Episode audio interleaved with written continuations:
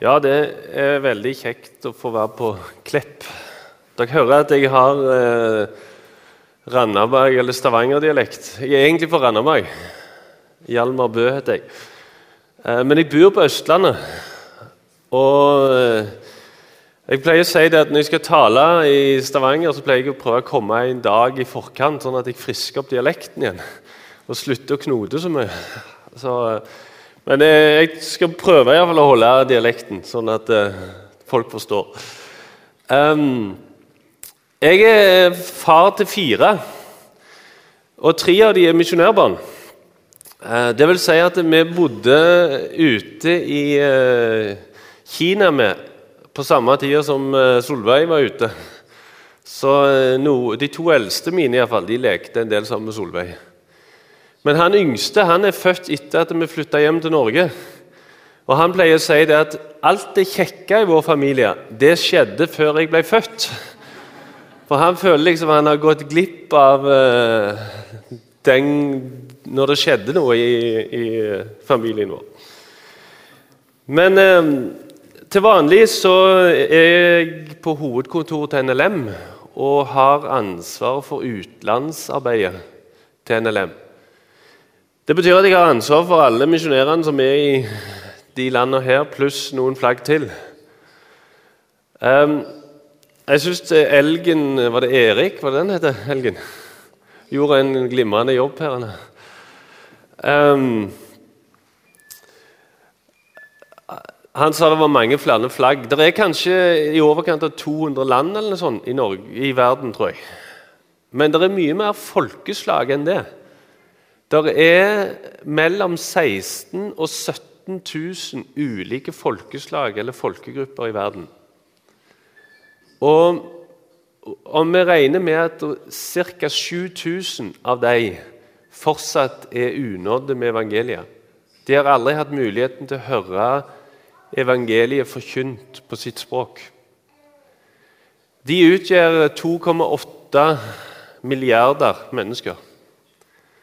Og det er 2000 år etter at eh, disiplene fikk misjonsbefalingen om å gå ut og gjøre alle folkeslag til disipler. Så er ikke oppdraget fullført ennå. Oppdraget om at alle skal få høre evangeliet, det er ikke fullført ennå. Og det er det vi får lov å være med på vi har ca. 150 misjonærer ute nå. Og eh, Hvert år så sender vi ut omtrent 40-50 nye misjonærer. Det betyr at det er en del som kommer hjem, og så må vi sende ut noen nye.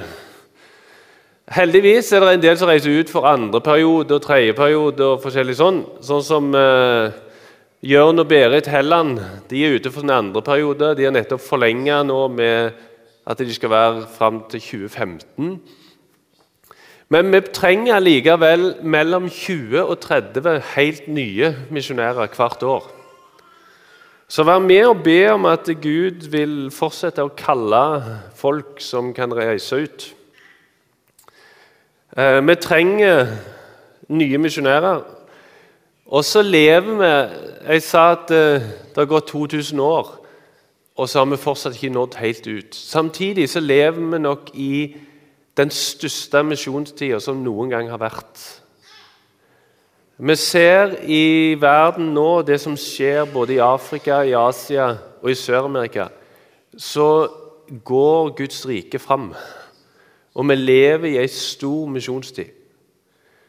Samtidig så er det en del plasser på, på, kartet som er helt røde, eller der det er veldig få kristne.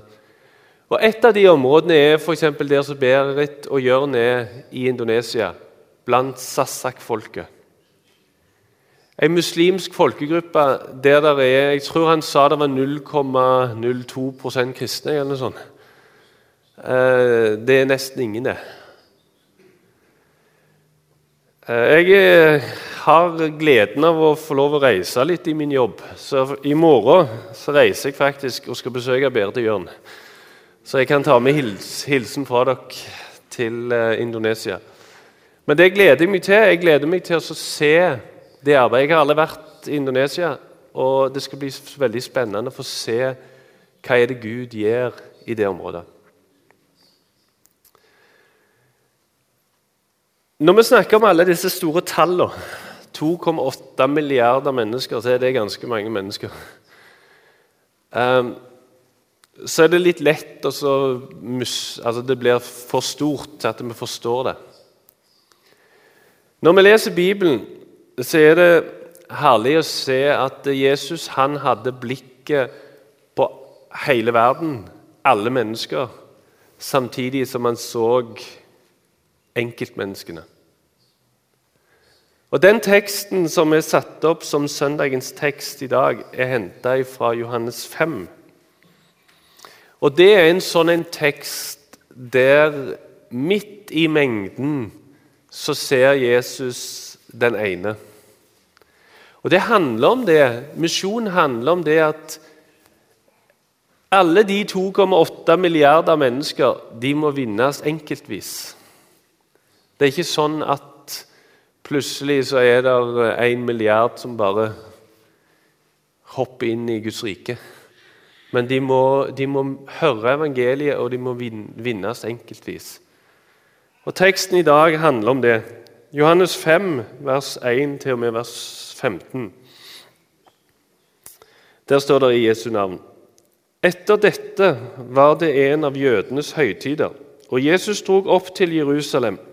Ved foreporten i Jerusalem er det en dam som på hebraisk heter Betesta. Den har fem søyleganger. I disse lå det en mengde syke, blinde, lamme og vannføre.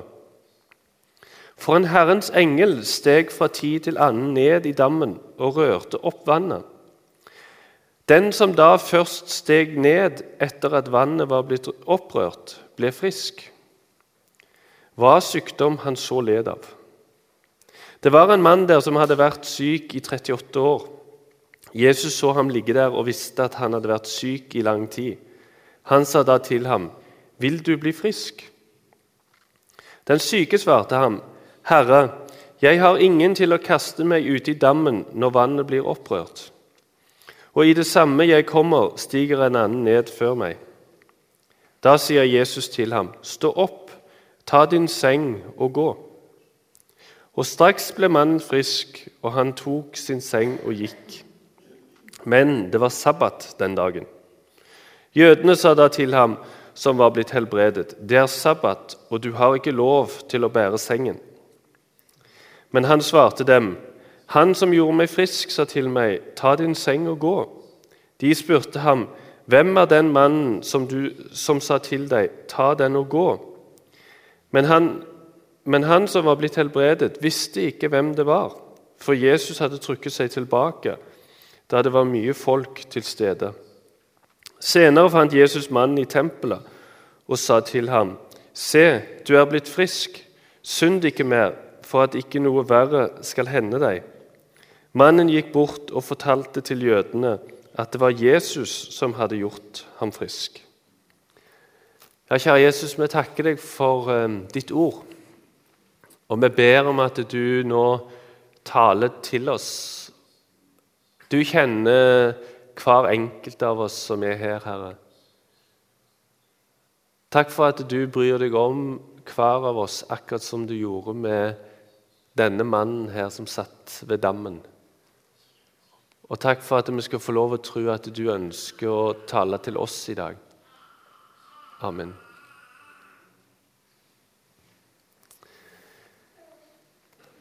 Johannes evangeliet, helt i slutten av dette evangeliet, så står det to vers. Der sier Johannes også mange andre tegn gjorde Jesus for disiplenes øyne, tegn som det ikke er skrevet om i denne boken. Altså, Johannes som skrev Johannes-evangeliet, sier det at det er skrevet mange, Jesus gjorde veldig mye mer enn dette. Mange tegn, mange under. Men jeg har ikke skrevet om dem i Johannes-evangeliet. Men disse som jeg har tatt med, de historiene jeg har tatt med, de har jeg tatt med for at dere skal tro at Jesus er Messias, Guds sønn, og for at dere ved troen skal ha liv i hans navn. Så gjorde Jesus mange under. Jesus gjorde mye mer enn det som vi leser om i Johannes-evangeliet. Og dette underet som er tatt med i Johannes 5, det skal vi få lov til å tro er et tegn, som Johannes sier, noe som skal vise til noe mer. Og denne teksten som vi har om den syke ved Betesta, den skal vise oss hvem Jesus er. Det er en tekst som skal peke òg på Jesus og vise oss hans guddommelige herlighet. Sånn at vi bedre kan forstå at Jesus er både sann Gud og sant menneske. Og at, Gud, at Jesus vil gi oss evig liv. Det første som slår meg når jeg leser eh, Johannes 5 om den syke ved Betesta, det er at Gud han er veldig raus, og han gir helt uforskyldt nåde. Han gir på mange måter ufortjent og uforskyldt nåde. Av og til så kan livet virke veldig stengt. Vi kan føle oss pressa inn mellom noen tjukke søyler eller inn i en lang gang der det ikke fins noen dører, der vi ikke greier å, å, å finne ut hva, hvordan er veien ut her. Hva er veien ut av den situasjonen? Vi har ei, ei bibelgruppe hjemme med noen naboer. Og hun er En av de som er med, er psykiater. Hun jobber i PPT-tjenesten eh, og jobber som psykiater og snakker med ungdom. Og Vi hadde bibelgruppe forrige uke. og Da pleier vi å gå gjennom søndagens tekst. og Da var det ikke denne teksten, det var liksom forrige søndags tekst. Men så kom jeg likevel inn på denne teksten her. For hun begynte å fortelle litt Hun sa ikke navn, eller noen ting, men hun fortalte litt om sin hverdag. Så sier hun hun møter utrolig mange mennesker der livet er blitt helt mørkt.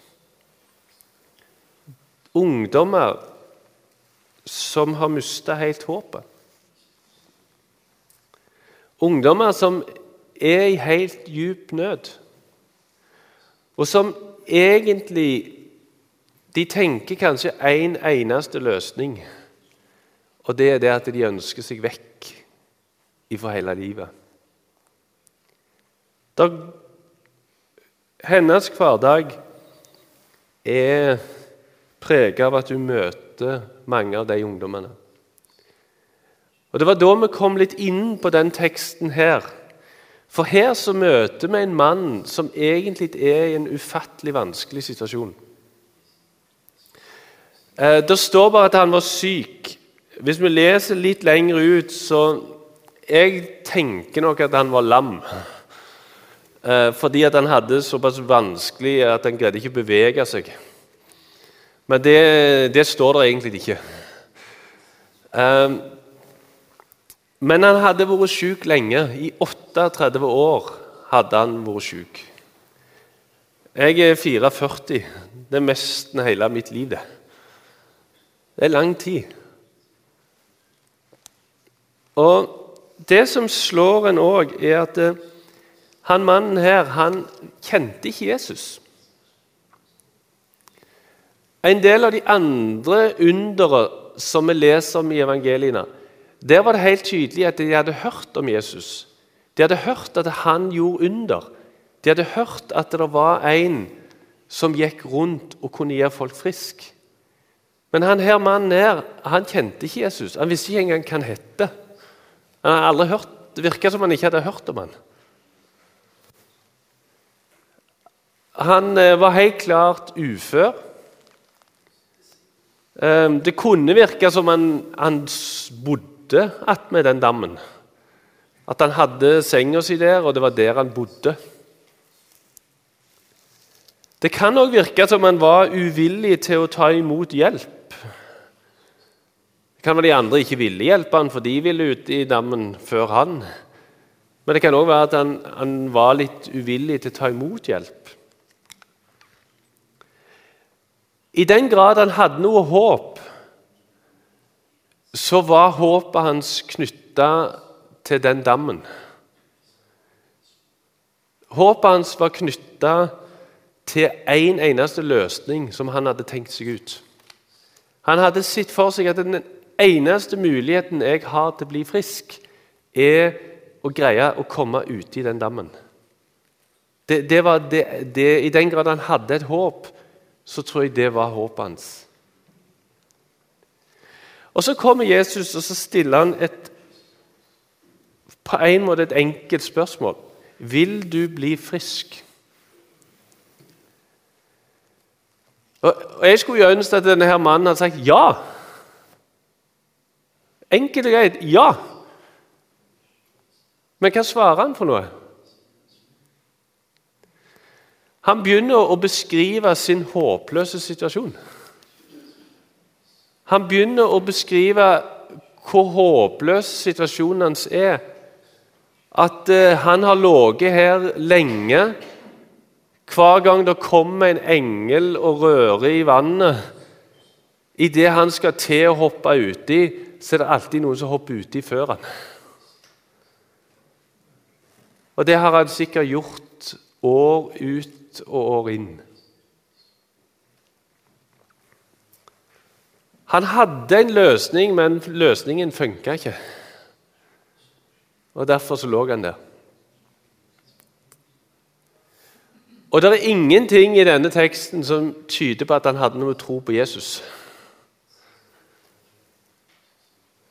Det er egentlig et bilde på hele menneskehetens fortapte situasjon. Den fortvilte situasjonen som vi som menneskehet er i etter syndefallet.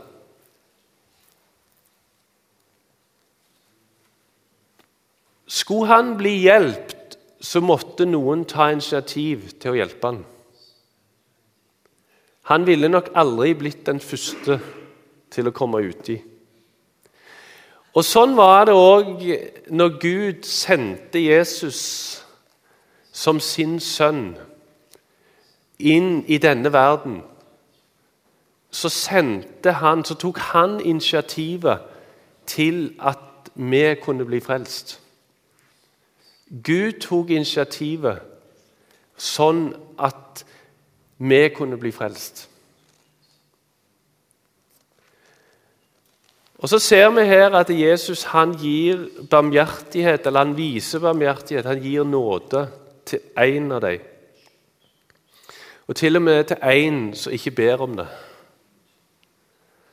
Og Sånn var det nok. altså Menneskene visste ikke Løsningen var å prøve å gjøre så godt som vi kunne, og leve så godt som vi kunne, for å prøve å, å få frelse og for, å være fortjent til å bli frelst. Og så griper Gud inn utenfra, og så sender han sin sønn til soning for all verdens synd. Og til soning for din, din synd og min synd. Og så er det der håpet vårt ligger, at Jesus har tatt vår synd.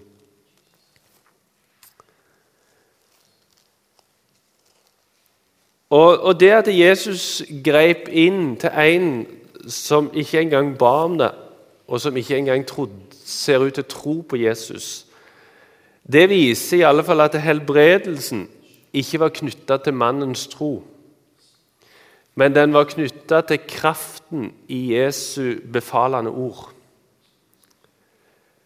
Den guddommelige skaperkraften som ligger i Jesu ord. Og så er det der, eh, i Jesu kraft og Jesu ord, at han kan skape nytt liv. At han kan gi håp. Det er en tekst som jeg har gått og tenkt på når jeg har lest Johannes 5 og, og tenkt på denne søndagen her, så er det en annen tekst som jeg har tenkt en del på. Og Den står i andre kongebok.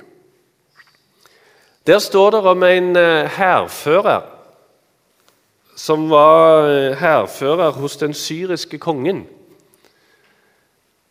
Eh, han var en veldig stridsmann.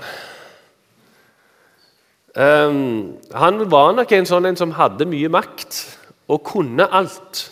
Altså Han kunne iallfall bruke sin makt og få gjort omtrent akkurat som han ville. Og så står det et 'men'. Han var spedalsk. Det forstår sikkert at det er Naaman. Hærføreren Naaman, han var spedalsk. Og På den tida var det en håpløs situasjon. Hvis du var spedalsk, så ble du stapla vekk ut forbi i en område sånn at du ikke kunne omgås folk. Du var, du var sett på som på mange måter en døende som bare var stua vekk for å dø. Og, og på en måte så er spedalskhet òg et bilde på menneskets synd og menneskets syndighet. Eh, og så ser vi i Naaman at det der er ei lita jente. De hadde bortført noen fra Israel. Og Da står det at det var en, en liten pike som var tatt til fange fra Israels land. Hun var tjenerinne hos hustrua til Naman. Og Det er litt interessant, for denne jenta hun fikk aldri noe navn. Hun står bare i Bibelen som ei lita jente. Men denne jenta her, hun fikk lov å være med og peke på at det der fins en Gud. Hvis bare Naaman hadde kommet seg til profeten og lært om Israels Gud, så fins det håp. Og jeg tror at denne, Naaman, denne lille jenta kan være et bilde på både deg og meg, på predikanter og på misjonærer, som ikke alltid får et stort navn, men som er mennesker som kan være med og peke på Jesus og peke på Gud. For det som skjer, det er at um, Naaman, eller kongen er det egentlig, som tror på dette her. Og så sender han Naaman til profeten Elisa. Og så, Når de kommer til profeten, så sier Elisa at uh, Naaman skal gå og bade seg sju ganger i Jordanelva. Og da skulle, jo tro, og da skulle han bli frisk. Og da skulle du jo tro at Naaman ble, eh, ble kjempeglad. Det var jo en enkel jobb. Jeg kan bare gå og bade meg sju ganger, og så blir jeg kvitt spedalskheten min. Men Naaman, han, han, Det står at da ble Naaman vred og drog bort og sa:" Jeg tenkte at profeten ville komme ut til meg og stå fram og påkalle Herren sin Guds navn og føre hånden fram og tilbake over det syke stedet og ta bort spedalskheten. Han så for seg et skikkelig vekkelsesmøte eller en sånn kjempesak der profeten kom ut og gjorde noe sånn fantastisk, og så skulle han bli frisk. Og så sier han er ikke elvene i Damaskus, Abana og Parper mye bedre enn denne Jordanelva? Hvorfor i all verden? Så han var misfornøyd med løsningen på hvordan han skulle bli frelst eller skulle bli frisk. Og Derfor så dro han vekk i sinne. Han, han ville ikke engang prøve. Og Så var det noen tjenere som sier Dersom profeten hadde bedt deg om å gjøre noe vanskelig, ville du da ikke ha gjort det? Hvor meget mer når han bare sier til deg 'ba deg', og du skal bli ren? Det tror jeg er situasjonen for veldig mange mennesker når det gjelder kristendommen. Hadde de bare fått ei oppskrift at du skal gjøre det, det, det og det, så skal du bli en kristen. Og de kunne greid å fullført det. Da hadde det vært så mye lettere. Men her ber Naaman, nei, Elisa Naaman om å gå og bade seg i ei elv. Og så skulle han bli frisk. Det virker jo egentlig veldig rart. Alle som visste om spedalskhet, visste at du blir ikke kvitt spedalskheten om du bader deg i ei elv. Men han gjorde det likevel. Til unna sterk tvil og unna overbevisning fra andre, så gjorde han det. Og så ble han frisk. Og, og jeg syns det er et herlig bilde på det å få lov til å, å hvile i nåden og hvile i det som Jesus har gjort. Det at Jesus kom som verdens frelser, det at han døde på korset og ropte ut at det er fullbrakt, og så sto han opp igjen. Det frelsesverket, Når Jesus ropte ut 'det er fullbrakt', så står det at forhenget i tempelet revna fra toppen og ned. Jeg tror at Gud brukte fingeren sin da, og revna forhenget for å si dette frelsesverket er nok. Dette har jeg godkjent. Dette holder. Den som tror på det, han skal få evig liv. Og Jeg vet ikke om du er her i dag som, som strever i ditt liv som ligger på en måte på kanten av bassenget og vil så gjerne ha fred med Gud. Du vil så gjerne vite om du er frelst, vite om du er Guds barn. Men så vet du ikke. Den løsningen er der. Du kan få lov til å være trygg i at det som Jesus gjorde på korset, det holder. Det, det holder sånn at du kan dø på det, og du har et håp. Du har en frelse som holder i evighet. Og Jeg tror teksten i dag at Jesus kommer til oss på Klepp og spør vil du bli frisk. Vil du bli frelst? Vil du bli helbreda og heil? Vil du bli det i dag? Jeg håper ikke du svarer sånn som han at uh, Begynner med ei lang lekse om hvorfor det ikke går. Svar ja. Svar ja. Og stol på det at Jesus, hans frelsesverk, det holder.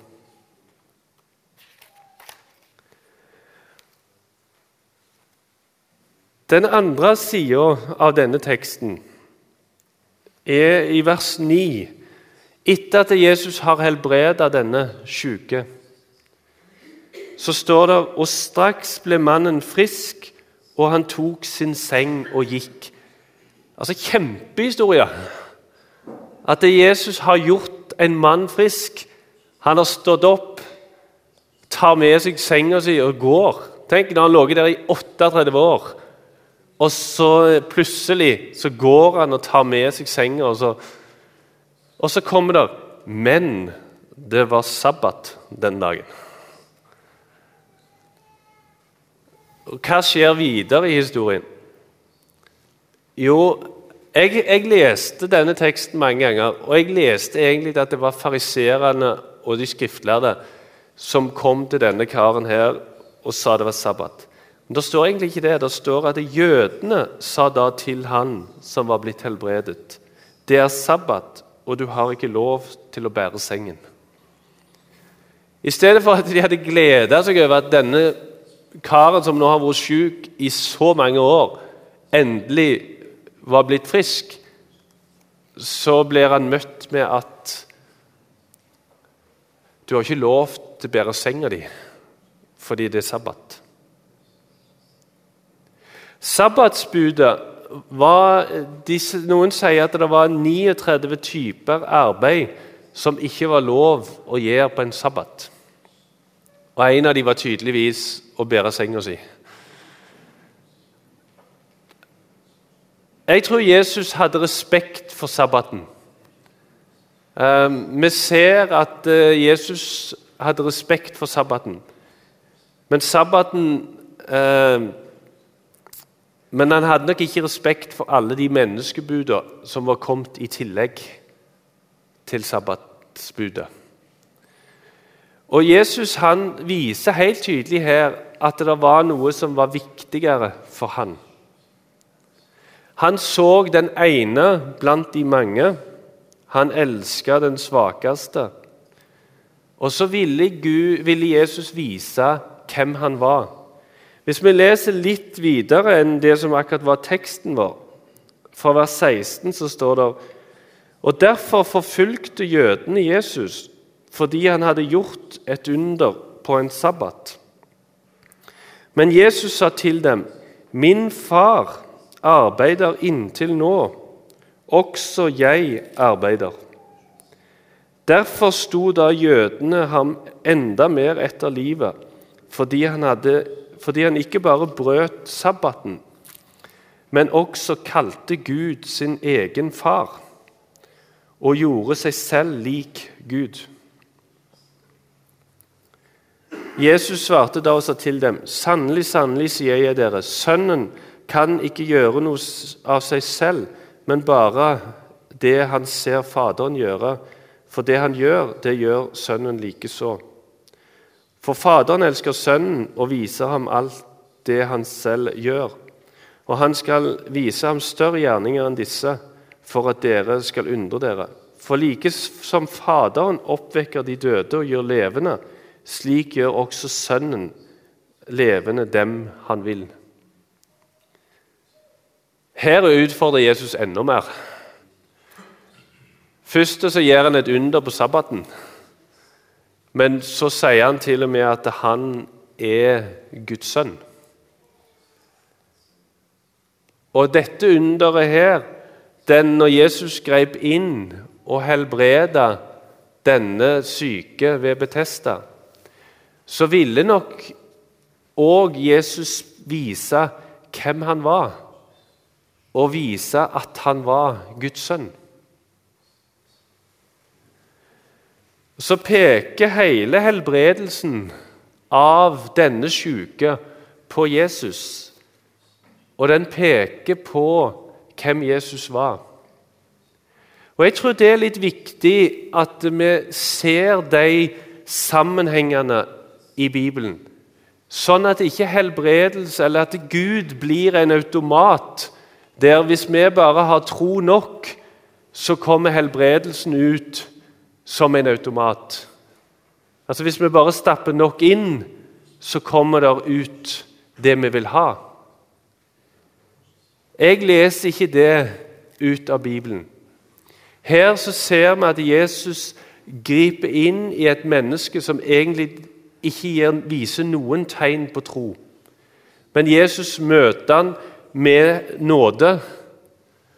Og så blir den helbredelsen som skjer, noe som peker på det mest sentrale, at Jesus var Guds sønn.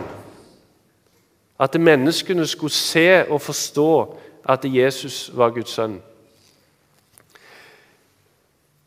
Og i dag så ser vi rundt omkring i verden at Gud bruker mange tegn og under for å fremme sitt rike. Vi ser òg i Kina mange av de vekkelsene vi har sett i, i Kina, har vært, om de har vært fulgt av tegn og under, eller om tegn og under har kommet først, det er litt vanskelig å si. Men vi ser i alle fall at tegn og under har vært sentralt i at disse vekkelsene har brøtet fram. Og at mennesker har blitt friske. Eh, Gud har grepet inn og gjort sånn at myndighetspersoner som var de største motstanderne av kristendommen, plutselig er forsvarere av kristendommen. Det har vi sett skjer, og det skjer, det skjer i dag. Etiopia Hvis du snakker med Etiopia-misjonærer, så vil du høre det at nøden som er, der har Gud grepet inn. Onde ånder. Folk har vært besatt av onde ånder. Og så har Gud grepet inn og drevet ut onde ånder. Og så ser vi at det har vært med å peke på Jesus og fremme Guds rike. Så vi får lov til òg i dag at, å tro at Gud er den samme, og at Guds rike går fram. Og så er en av eh, Nå skal jeg øyeblikk slutte av her. En av lesetekstene i dag er henta fra Jakobs brev. Og Jeg tror det er ei side til ved denne teksten her. I Jakobs brev så står det eh, vers, i kapittel 5, fra vers 14 Er noen blant dere syk, la ham kalle til seg menighetens eldste, og de skal be for ham og salve ham med olje i Herrens navn. Og troens bønn skal hjelpe den syke, og Herren skal reise ham opp. Og, han, og har han gjort synder, skal han få dem tilgitt. Bekjenn derfor deres synder for hverandre, og be for hverandre for at dere skal bli helbredet. En rettferdig menneskes bønn har stor kraft og virkning.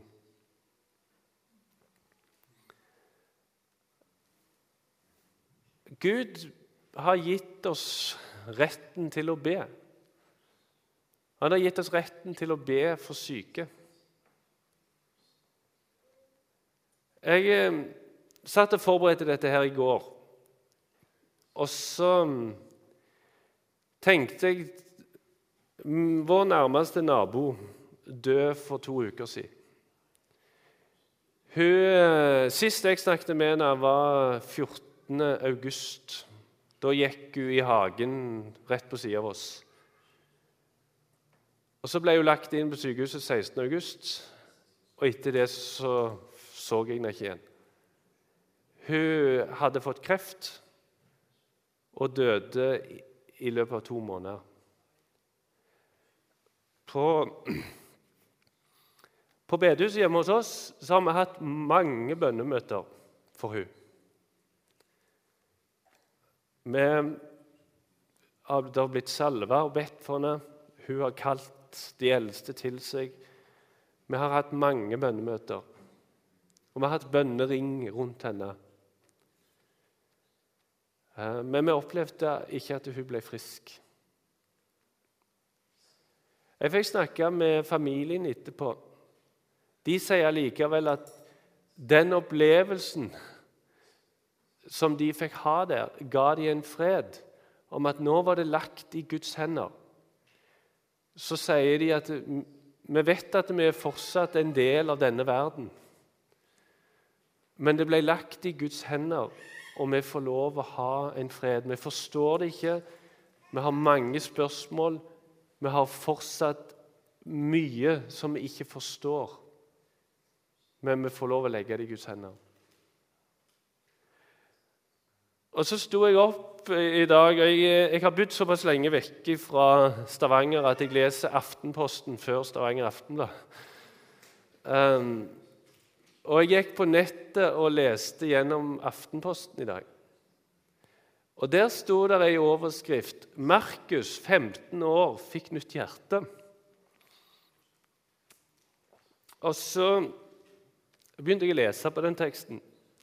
Og så er det en gutt som vi har bedt for i, mange, i et år. Det er sikkert noen som kjenner han. Markus Oppsal Engen. Han eh, var en aktiv gutt på 15 år, spilte fotball.